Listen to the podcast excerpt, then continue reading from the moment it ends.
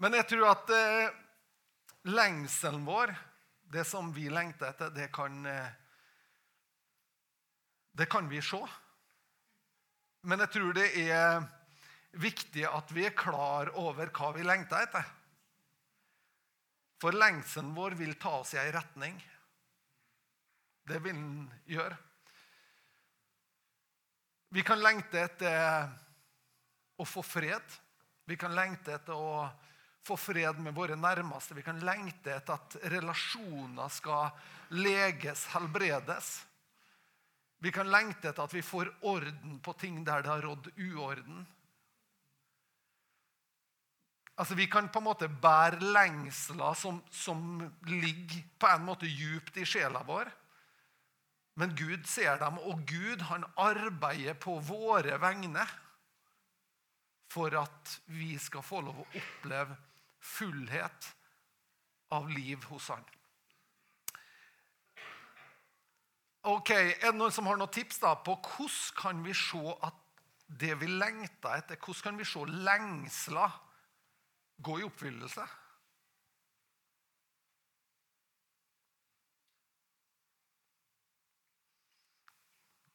Silvia? Be sammen? Mm. Vær sammen og be sammen. Mm. Bra.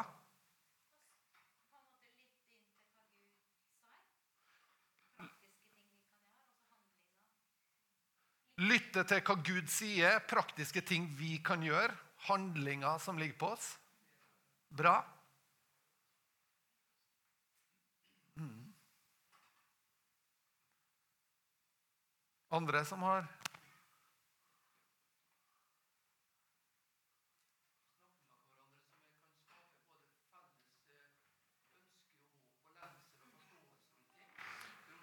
Snakke for å skape lengsel og Ja, bra. Norske ord passer bra på nordmenn, ja. ja. Det forstår de ofte. Ja. Ok, Hvis jeg, hvis jeg, jeg snur spørsmålet, så tenker vi litt, eh, litt eh, ei annen retning. Hvis vi Jeg bruker å tenke dette spørsmålet til meg sjøl.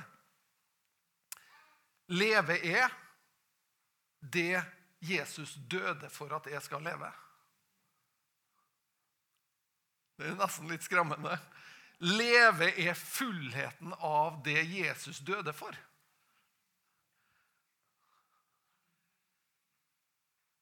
Og Jeg stiller ikke spørsmålet for at vi skal kjenne oss naken, men jeg stiller spørsmålet for at vi skal kjenne lengsel etter at det fins. Det fins alltid mer som vi kan, eh, kan, eh, ta imot og lengte etter. Og jeg tror på en måte at Hvis vi skaper en kultur av at vi lengter sammen etter, etter det Gud har for oss Og så tror jeg også at det er på en måte Gud han rører seg forskjellig i hver enkelt av oss. Derfor så kan på en måte lengslene våre Vi trenger ikke å lengte etter akkurat det samme fordi at vi er på forskjellige plasser i livet kanskje, hvis vi står i en krise, så er den krisa veldig aktuell, og da er den veldig tydelig foran oss. ikke sant?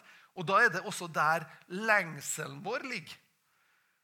Mens andre kanskje lengter etter å se mer helbredelser. Det har jeg tenkt på. I 2018 så har jeg lyst til å se flere helbredelser. Og det er jo veldig åndelig og bra. Det passer jo fint for en pastor. Um, men jeg tror, jeg tror, samtidig at et annet spørsmål da, som kan være godt å stille, det er hva er mitt neste steg? Hva er mitt neste steg? Ikke hva er menighetens neste steg? Det kan vi stille oss i fellesskap og be, be over. Men hva er, hva er, ditt neste steg? Jeg tror at det å følge Jesus er også et, et steg i vokst der. At vi vokser sammen med han. Så Derfor kan det være et bra spørsmål. Hva er ditt neste steg? For Noen kan dåpen være et neste steg. For det står blant en av grunnvollene. Dåp. Håndspåleggelse, åndsdåp, kan være et neste steg. Steg i lydighet kan være neste steg. altså Ting som på en måte du egentlig har kjent på, som du har utsatt eller satt til sides kan det være neste steg. Så jeg tror at, Men det å stille de spørsmålene, stille spørsmålet leve i fullheten av det Jesus kom for. Når Jesus ser på mitt liv Det er sånne ransakende jeg, jeg stiller dem her til meg sjøl. Altså, og jeg svarer ofte nei, kanskje ikke helt. Nei, kanskje litt å gå på her, ja. Så det er sånn, altså, for det står et fint vers i Hvor mange kjenner til Jesajas 53? Den profetien om Jesu korsfestelse og død, og at han tar og bærer vår skyld, våre plager, våre skrøpeligheter, våre sykdommer. Tenk om ikke det står at han bærer for oss. Og så står det litt lenger ut så står det at for den møye sto det i den gamle oversettelsen min, for, den, altså, for de, de plagene eller det strevet han gikk igjennom, så skal hans sjel se frukt og mettes. At Jesus, på det han gikk gjennom, for min del, skal han se frukt og mettes. Tenk hvis Jesus kan se på livet vårt og så bare tenke han, åh, jeg er så mett av det gode jeg har fått lov å gjøre i livet ditt. Jeg er så mett, jeg kjenner meg så tilfreds av det gode du har gitt meg rom til å gjøre i livet ditt. Tenk hvis, og så kan vi tenke litt, tenke, Jeg kan tenke det på livet mitt. Skal jeg tenke også på ja, men Da kan jeg tenke på slektningene mine. Jeg kan tenke på venner familie, som Amy sa. Jesus, Elnesvågen, har du sett frukt så din sjel er mett når det gjelder Elnesvågen? Eller lengter du, Jesus, etter å se mer frukt av det du led? Og så skjønner vi at Guds tanker er faktisk at han lengter etter berøringspunkt inn i alle familier. Inn i alle hus. Inn i alle hjem og alle individer. Det lengter han etter. Så at hans lengsel blir nesten for stor for oss til å ta inn. Hva lengter du etter Jesus i 2018? Hva lengter du etter i vår region i 2018?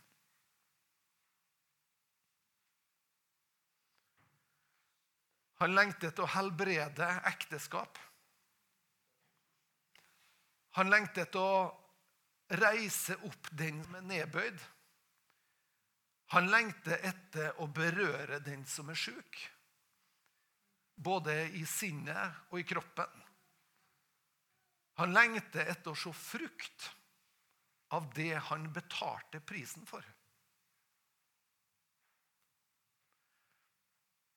Tenk hvis vi kan være så frimodige at eh, når vi står ved sida av noen, eller sitter ved sida av noen, eller møter mennesker kan vi da stille spørsmålet Jesus, er det noe du lengter etter å si til den personen? Og da mener ikke denne kristne ja, 'Jesus elsker det'. For vi, er, vi kan være veldig raske på den, ikke sant? og så blir folk bare skremt. I stedet for at de virkelig kjenner Jesu hjerte for dem. Men er det noe du lengter etter, Jesus, å si til meg?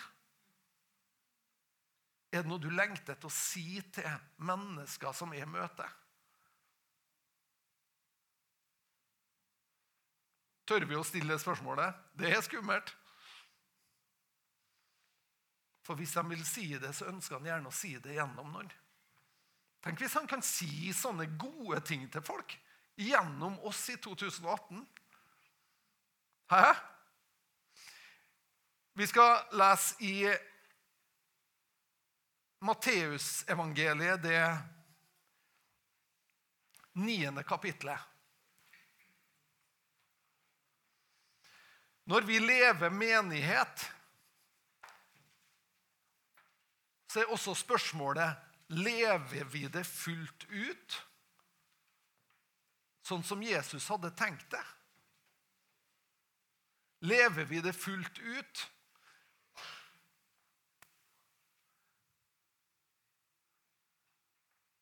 Noen ganger redd for at eh, Jeg er redd for at eh, jeg sjøl står og holder taler, og så blir det ikke forvandla liv ut av det. Det er jeg redd for noen gang. At på en måte den ene søndagen følger den andre, og så oppsummerer vi året, og så sier vi ja, ja det, var, det, var, det var noe mye fint. Men at det ikke har hatt kraft til å skape forandring og frukt og Jesus-nærvær. At ikke orda har blitt kjøtt i oss, ikke bare mine ord, men Guds ord. At det ikke har fått lov å blitt kjøtt i oss og blitt til praktiske handlinger, som en Tarald sa, at det blir til frukt som vår neste kan få lov å spise av. Noen ganger er jeg redd for det. Jeg er redd for at vi skal befinne oss på en plass der vi egentlig bare opprettholder noe. Og så vet jeg at imellom alt som skjer her, så vet jeg at det er så mange hverdager, det er så mange mandager og fredager og tirsdager og og så vet jeg at det er så lett at livet vårt på en måte blir en grå hverdag. Og det er jeg litt redd for noen gang. Jeg er redd for det når vi går inn i et nytt år. At på en måte det her året det ble bare Ja, ja. Det ble et Som det sto i gamle eh, års, eh, årsberetninger et jevnt, godt virkeår. Det betyr ingenting har egentlig skjedd. Ingen har blitt forvandla. Men våger vi da å tenke Våger jeg for min del å tenke det at jeg, altså jeg er litt privilegert, jeg. Jeg er veldig privilegert. Vet du hva? Jeg er privilegert fordi at jeg er pastor. Fordi at det betyr at jeg har liksom ikke gitt valg om å holde meg i ånden. Jeg må. Jeg må. Det betyr ikke at det lykkes hele tida, nei. Men du, liksom, du må holde det i Guds ord. Du må holde det, holde det i vigør. da. Og det er et privilegium for det er noe i og med at jeg skal si noe, jeg skal komme med noe som er noe å komme med. Så må jeg på en måte hente det. Og det blir et privilegium. Men jeg lurer på om eh, Hvordan kan vi gjøre det? Hvordan kan vi gjøre det? Sånn at vi alle får del av det privilegiet. Jeg tenker på det Når vi ber for syke, så gjør vi også ofte det. Kom fram hit, så kan jeg eller Eon Per Ståle eller noen få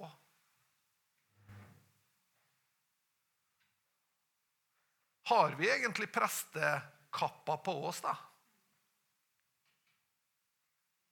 Eller tror vi på at Jesus kan bruke hver og en av oss? største opplevelsen jeg har hatt når det gjelder helbredelse, når vi hadde for et to og et halvt år siden, tror jeg, så hadde vi en klasse fra videregående her. Og tolv jenter var her. Og av de jentene så ble åtte stykker helbreda momentant. Den største opplevelsen jeg har hatt. Men vet du hva vi gjorde? Jentene var med og ba for hverandre i Jesu navn.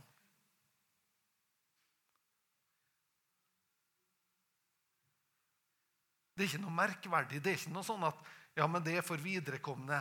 Nei, det er for hver enkelt av oss. Det er for hver enkelt av oss at han ønsker at det skal være en strøm, en flyt. I ordspråkene Jeg skal bare ta med det før vi går inn i Matteus. I ordspråkene så står det Den som forfrisker andre, blir sjøl forfriska. Den som sprer velsignelse, skal trives. Parallellstedet i Nye testamentet er den som sår rikelig, skal høste med rik velsignelse. Jeg tror at mange ganger så har vi fokus på våre egne liv, på våre egne behov, på det jeg trenger her og nå, på den krisen jeg sjøl er i. Eller ikke kanskje en krise heller, men bare den hverdagen som krever meg. Så har vi et sånt fokus på den hverdagen eller det vi sjøl står i, at vi ikke rommer å tenke på andre. Og Noen ganger så tenker vi på andre. Og så kjenner vi at når jeg gjør det, så kjenner jeg at livet blir rikere. Anbefalinga som Gud, Gud, gir oss da, i sitt ord, når han sier 'den som forfrisker andre, skal sjøl bli forfriska', det er et fantastisk grep man kan ta. Når jeg sjøl trenger noe, så kan jeg strekke meg ut og velsigne andre mennesker rundt meg. Jeg kan berøre andre mennesker. Og så fører det velsignelse over meg. Noen ganger så blir vi så opptatt av det vi sjøl står i, at vi ser oss blind på det. Og så lar vi det definere alt. Mens noen ganger er det faktisk nøkkelen til å komme seg ut av det, det å strekke seg ut og velsigne andre. Det å spre velsignelse. Hvis du strever sjøl, ja, jeg anbefaler gjør noe godt for noen andre. da. Spreng det ut av det. Gjør noe godt for noen andre. Vær til velsignelse. Berør andre mennesker. For når vi sjøl strever og har det tungt, så er det noe som vil nesten for, det vil lamme oss. Gjøre oss handlingslamma. For vi tenker at å, det går ikke med mitt liv så går det ikke å berøre andre fordi at det er så kaos. det er så... Men hvis vi bare bestemmer oss vet du, det er greit, det er kaos her. Jeg er enig i det. Men jeg tenker i alle fall å velsigne andre. Jeg tenker i alle fall å bli til velsignelse for andre mennesker. I Matteusevangeliet, det niende kapitlet, der står det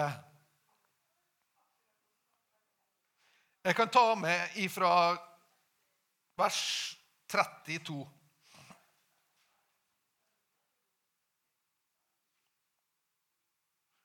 Jeg trenger ikke. Jeg tar 35. Deretter dro Jesus omkring i alle byene, landsbyene. Han lærte i synagogene deres, forkynte evangeliet om riket og helbredet alle slags sykdommer, alle slags skrøpeligheter blant folket. Men da han så folkeskarene, ble han grepet med dyp medlidenhet med dem. For de var utmattet og spredd omkring som sauer uten hyrde. Da sa han til disiplene sine.: Høsten er sannelig stor, men arbeiderne er få. Be derfor høstens herre å drive ut arbeidere til sin høst. Etter at han hadde kalt de tolv disiplene sine til seg, ga han dem makt over urene ånder til å drive dem ut og til å helbrede alle slags sykdommer og alle slags skrøpeligheter. Vers 5. Disse tolv sendte Jesus ut. Han befalte dem og sa, gå ikke ut på veien til hedningene og ikke inn i noen av samaritanenes byer, men gå heller til de fortapte sauene av Israels hus. Og når dere går av sted, skal dere forkynne og si:" Himmelens rike er kommet nær. Helbred syke, rens spedalske, vekk opp døde, driv ut demoner. For ingenting har dere fått det, for ingenting skal dere gi det videre. Himmelens rike er kommet nær engelske oversettelse står det at 'The kingdom of God is at hand'. Guds rike er innen rekkevidde. Det kan nås, du kan gripe det. Det er ikke langt borte fra en eneste en, men Guds rike er nær. Det er gripbart. Hver en kan gripe det. Men så står det der at Jesus han fikk inderlig medlidenhet, står det på norsk. Jeg syns det står bedre i den engelske oversettelsen der det står He was moved with compassion. Medlidenhet det er, altså Når jeg tenker medlidenheten, så er det litt sånn Jeg skjønner hvordan du har det. Jeg ser det vanskelig. Jeg føler med det. Er det ikke? Medlidenhet. Jeg føler med det. Når vi viser medlidenhet, viser vi omsorg på en sånn måte ja, kom, kan, Vi kan snakke sammen om det. Men det fins ikke så mye løsning bare i medlidenheten. medlidenheten. Det fins ikke liksom noe løsning. Det er bare en, en, trøst, på en måte. Men når det står 'compassion', da får en pasjon for. Person, altså en lengsel etter å se noe for noen. Så Jesus ser et annet bilde enn det vi ser. Hvorfor får han medliten, eller hvorfor får han compassion? Hvorfor får han en sånn følelse? Jo, for han opplever at vi som får uten hyrde, vi, er, vi har gått oss vill i våre egne liv, i våre egne valg, i vår egen tilkortekommenhet. Så har vi gått oss vill i det som på en måte snurrer seg rundt livet vår. Og Jesus ser det. Og hvorfor er Jesus der at han ser det så mye tydeligere enn oss? For du vet, du og jeg vi blir litt sånn at om vi går oss litt, snurrer oss inn i våre egne liv, så merker ikke vi at vi er innsnurra. Vet du hvorfor? For alle andre er akkurat, akkurat like innsnødd som oss.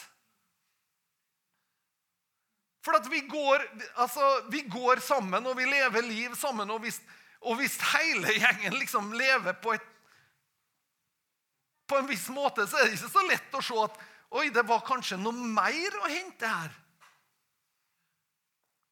For det vi jo vant til, her er jo den norske standarden, eller det her er den norske kristenstandarden, eller det her er det som er forventa, det her er det vi har levd så langt. Men når Jesus ser på oss mennesker, så ser han det med totalt annerledes briller. Fordi at han ser hva Faderen hadde tenkt. Jesus var til stede når Gud sa det her er overmåte godt. Det her er ikke bare bra, det her er fantastisk bra etter at han har satt solsystem på plass. Han har fått stjernene og planetene til å være som et urverk. Hæ? Det er som et urverk. Og han har fått, fått se alt han har skapt, bare bringe ære og herlighet til han. Og så setter han krona på verket. Det er oss mennesker som skal gjenspeile avglansen av hans herlighet. Og så når Jesus møter, møter oss, da når han kommer, som veit hva Gud hadde tenkt, hvilke intensjoner Gud har for våre liv, så blir det vi lever, blir et bleikt, bleikt, bleikt bilde i forhold til det han ønsker. Og Jesus sier ikke det for å fornedre oss, men han sier det for å reise oss.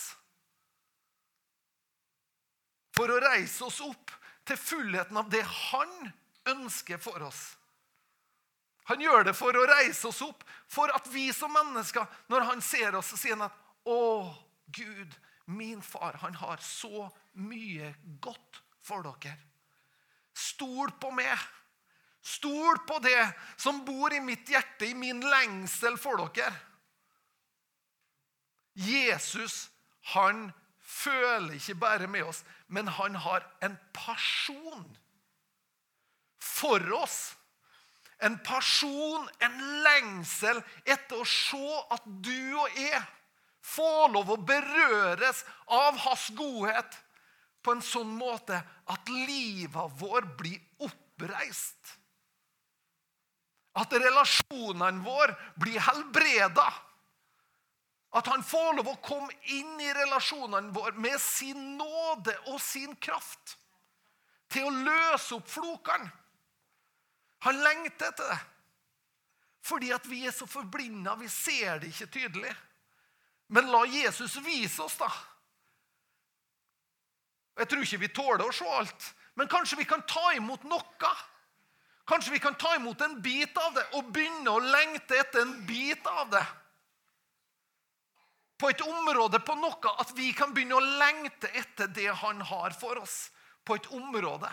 At vi å skjønner at Jesu ord er til oss. Himmelens rike er gripbart. Det er innen rekkevidde. Det er ikke langt borte fra en eneste en av dere. Men ordet er det nær i din munn og i ditt hjerte. At du kan ta imot det. At du kan slippe det til. Og at du i det her året som ligger foran, at du kan ta noen steg. At du kan ta noen steg imot din lengsel. Imot å se det som du lengter etter. Og at han får lov å lede i den retninga. Det står ei historie i, eh, i kongebøkene. Så står det ei historie om en, om en konge. Jeg husker ikke navnet på, på han engang. Kanskje noen som kan hjelpe meg. Men profeten Elisha hadde med denne kongen å gjøre. Han var liksom ikke noe spesielt eh, gudfryktig, annet enn det at han i hvert fall hørte på profeten. denne kongen. Og så var han vant til det at det profeten sa, hvis han gjorde det profeten sa, da gikk det bra. Da, da, liksom, da, da holder vi noenlunde on track. Og så er det sånn at syrerhæren kommer imot den og, og, og, skal liksom ta dem. da. Og Så spør han profeten hva skal vi gjøre, og han er jo i tårnkammeret her. Og Så sier profeten det du skal gjøre, du skal åpne vinduet ditt og skal skyte ei pil ut. Smuff! Og så sier profeten Herren skal la det lykkes for deg å bekjempe syrerhæren. Profeten uttaler Guds vilje for denne kongen. Guds vilje er full seier, sier han. Full seier! Det sier han. Ta nå resten av pilen og slå på bakken. Er det noen som husker hva kongen heter? Jeg husker ikke hva kongen heter. Jeg tror ikke det var Jeroboam. Det var ikke han, så jeg tror det var en annen. Ja, ja, det kan... Han var artige navn, i hvert fall. En konge med et artig navn. Og så tar han de her pilen, og så på en måte slår han på bakken.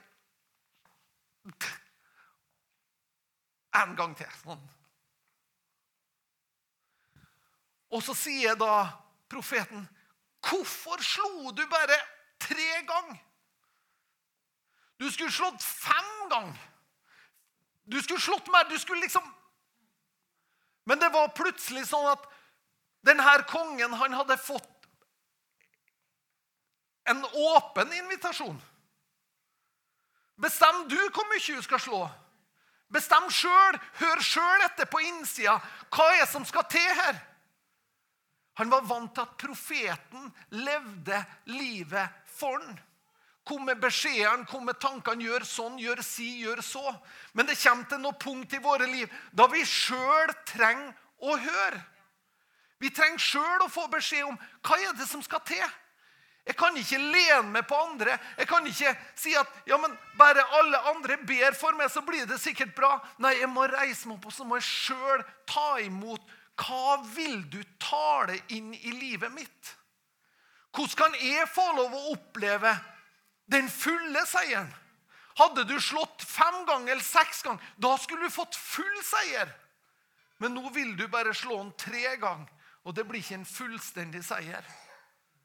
Så noen ganger Vi trenger å lære oss ikke bare liksom å, å høre på profeten eller høre på alle andre, men det viktigste vi kan det er på en måte å lære meg hvordan lytte er inn. Hvordan blir jeg sjølgående? Hvordan kan jeg sjøl oppfatte, skjelne og forstå hva Den hellige ånd leder meg til? Som pastor så er jeg privilegert. Jeg får lov å ha samtaler med folk. Og så kommer folk og så sier de, skal jeg gjøre det eller skal jeg gjøre det. Forferdelig. vet du. Skal jeg gjøre slik eller skal jeg gjøre slik? Og jeg tenker Hva skal jeg si? Skjønner at det viktigste jeg kan gjøre, det Hvordan kan du høre hva Gud sier til deg? Ikke legg det ansvaret på meg. Jeg kan godt fortelle noe om hvordan han taler til meg, hvordan jeg opplever at han leder meg. Jeg kan godt fortelle om måter jeg har hørt han talt, og det har blitt bra, og måter jeg har vært ulydig, og det har ikke blitt bra. Det kan jeg godt gjøre. Men du trenger å høre hvordan han leder det. Hvordan taler han til det? Hvordan virker han igjennom din lengsel? Når er de gangene da du har kjent at 'jeg har fulgt den lengselen', og så har det blitt bra? Hæ? For en håpløs situasjon. Jeg skal fortelle, jeg skal fortelle folk mye. Jeg skal fortelle, jeg fortelle hvordan utdannelse de skal ha. Jeg har ikke peiling. Jeg. Hvilken utdannelse folk skal ha. Men vet du nå? Gud ønsker at vi skal komme til det punktet at når det står en åpen invitasjon, da er vi sjølgående. Da kjenner vi etter på innsida. Hva er det vi lengter etter? Hva er det egentlig? Hva er det? Hva sier du, Hellige Ånd, til meg? Hvordan kan jeg erfare, oppfatte det? Hvordan kan jeg få tak i det? Hvordan kan jeg få lov å ta del av det du tar det? Han er ikke langt borte fra en eneste en av oss. Det betyr at det her ligger nær oss. Alle har vi erfaringer med at Guds godhet har kommet oss til hjelp. Vi har erfaringer av det. Kanskje du opplever at han tar det til deg i fred. Når du kjenner fred over noe, da er det han som leder det. Da har det blitt bra. Når du kjenner uro, men du har så lyst at du gjør det i alle fall Der har jeg vært noen gang. Det blir slettes ikke bra for min del. Så kjenner jeg meg urolig på noe, men så har jeg lyst. Jeg har lyst Går det an å være sånn? Jeg kjenner meg urolig, men egentlig jeg har så lyst. sant? Så jeg gjør det i alle fall. Og så I og med at jeg er pastor, så smeller jeg på et bibelvers. Og så sier jeg at 'amen'. sier jeg. Men det er ikke amen, vet du. Hæ? Men sånn er vi litt. Men vi trenger å lytte inn. Hva er det du sier? Hva er det du tar deg? Hva er det du vil med mitt liv? Jesus, han lengter med oss. Compassion. Han lengter med oss. Ja, mer enn det. Han har pasjon. Altså, det er en driv, Pasjon er en drivende kraft. Det er det Jesus har. Han har en drivende kraft for å se at det hans sjel led for, det blir en realitet i og gjennom våre liv. Han har en drivende lengsel for at du og jeg skal få lov å oppleve det, at vi skal ta det imot. Er ikke det herlig, da? At han har en drivende lengsel for at evangeliet skal bli en realitet. Ikke bare i våre liv, men også gjennom våre liv. Wow! Hva gjør det med våre bønner, da? Hva gjør det med våre bønner? Hvis Jesus har en drivende lengsel, og den gjenspeiler hva Faderen ønsker Det gjenspeiler hva Gud lengter etter i våre liv. En drivende lengsel som driver fram Hvis vi er villige Han er gentle, han er god. Han tar seg ikke til rette i våre liv. Men hvis vi ønsker en velkommen, da Velkommen inn! Kom med det du har. Kom med det du har. Til meg. Halleluja.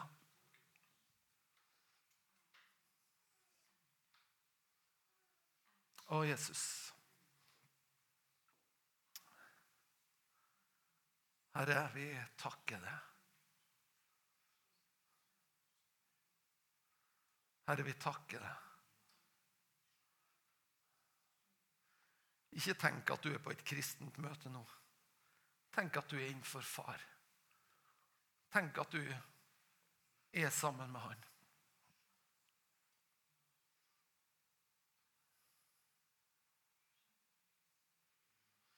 Jesus, takker deg, Herre.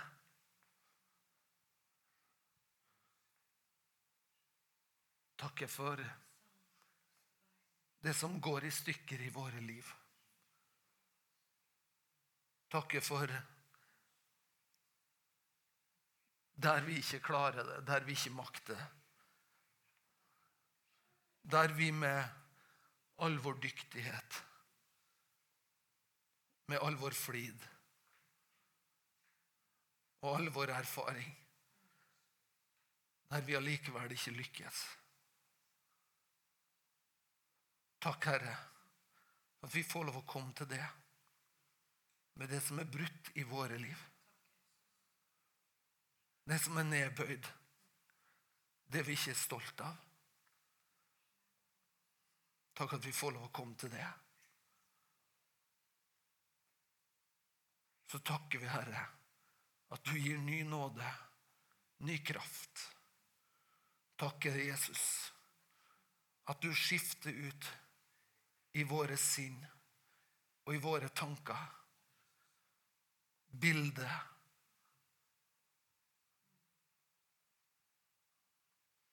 Skift ut bildet, Herre.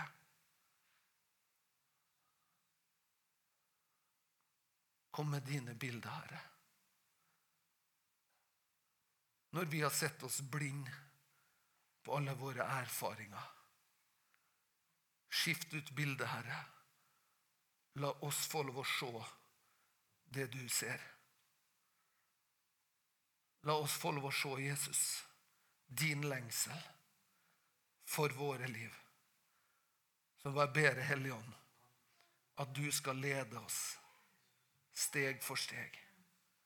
Steg for steg. Led oss, Helligånd, steg for steg. Ut i frihet. Inn i livet. Jeg ber om det. Når vi går inn i 2018, Herre, og vi har starta på et nytt år, la dette året få lov å bli et år der vi ser dine gjerninger, Herre, i våre personlige liv. I oss som menighetsfellesskap. I vår region, Herre. I vårt land, Herre. Og så veit Herre at du lengter sånn etter å berøre en hel verden. Du lengter sånn etter at urettferdighet skal opphøre. At kjærlighet, rettferdighet, fred skal få lov å berøre denne planeten. Hvor du sa at alt var godt Og hvor nå det ikke er godt, Herre. Vi lengter, Herre. Så ber vi, Herre, om at det at du får lov å forandre våre liv, at det får lov også å være med å forandre verden. Jeg ber om det, Jesus. Hjelp oss, Herre, å se vår neste. Hjelp oss å forfriske andre. Hjelp oss, Herre, å leve liv som bringer ære til ditt navn. Jeg ber om det, Herre. Takk for hver enkelt av oss. Hvis det er flere som har lyst til å be, så bare å be. Kjell Otto. Når vi tror på det alminnelige prestedømmet, så betyr det at du og jeg vi er alle prester innenfor Gud. Og vi er ikke bare prester, men vi er et kongelig prestedømme, står det. Så vi er konger og prester. Prester går inn for Gud og, opplever og erfarer Guds herlighet, Guds nærvær. Som konger så taler vi ut Guds planer, Guds veier. Taler vi ut Guds løsninger.